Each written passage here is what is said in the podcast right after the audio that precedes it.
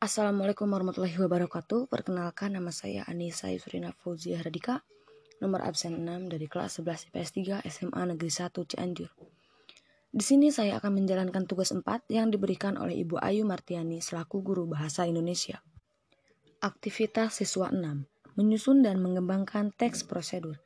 Pertemuan pertama Rabu 19 Agustus 2020.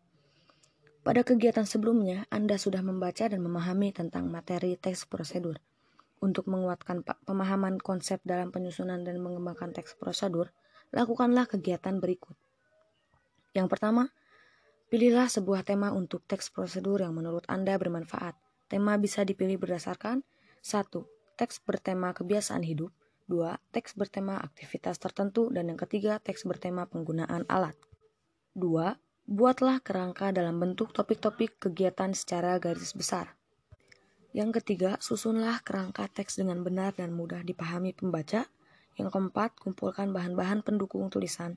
Yang kelima, kembangkan kerangka menjadi sebuah teks petunjuk yang jelas dan lengkap. Yang keenam, sajikan tulisan Anda dengan format sebagai berikut.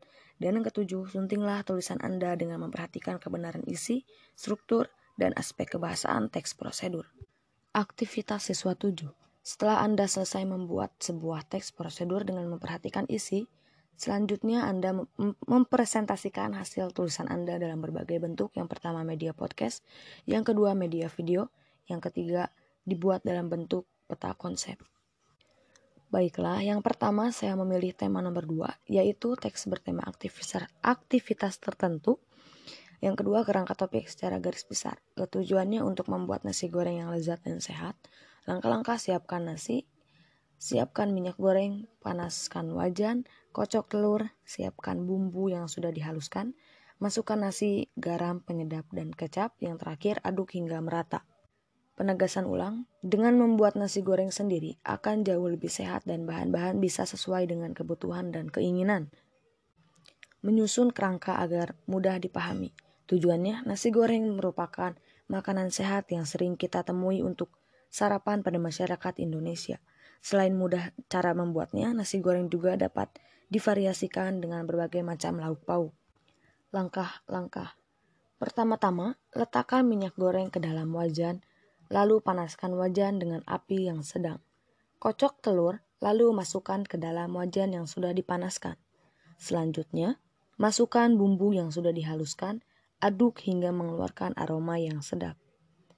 Kemudian, masukkan nasi putih, garam, penyedap, dan kecap manis ke dalam wajan dan aduk hingga merata. Letakkan nasi goreng di piring yang sudah diberi hiasan seperti tomat, bonteng, ataupun sayuran-sayuran lainnya. Nasi goreng sudah siap dihidangkan dan dapat dinikmati. Penegasan ulang, nasi goreng ini penuh dengan gizi dan sehat. Jadi tidak tidak heran jika sering disajikan untuk sarapan atau bekal sekolah. Nasi goreng ini dapat pula disajikan pada makan malam. Selamat mencoba ya. Bahan-bahan pendukung tulisan yaitu saya sendiri selaku pelaku. Uh, yang keenam tema aktivitas tertentu, judul cara membuat nasi goreng, tujuan penulisan teks yaitu tujuan saya membuat teks prosedur ini untuk memberitahu cara membuat nasi goreng yang sehat sasaran pembaca untuk semua orang atau anak SD sampai dengan dewasa. Saya sudah menyunting tulisan teks prosedur saya dengan baik dan insya Allah benar ya. Aktivitas siswa 7. Menyusun dan mengembangkan teks prosedur pertemuan 1 e, di minggu depan. Yang pertama saya memilih poin 1 yaitu media podcast melalui platform Spotify dan e, mentag akun IG Ibu Ayu dan uh, men, mengesgekannya di akun pribadi saya. Sebelumnya uh, saya mengucapkan terima kasih kepada Ibu Ayu uh, karena sudah memberikan waktu untuk saya uh, ataupun para siswa-siswa lainnya untuk mengerjakan tugas yang diberikan uh, oleh Ibu Ayu ini. Uh, dan saya meminta maaf bila ada kesalahan dalam uh, tugas ini. Bila ada kesalahan mohon dimaafkan. Sekian dari saya. Wassalamualaikum warahmatullahi wabarakatuh.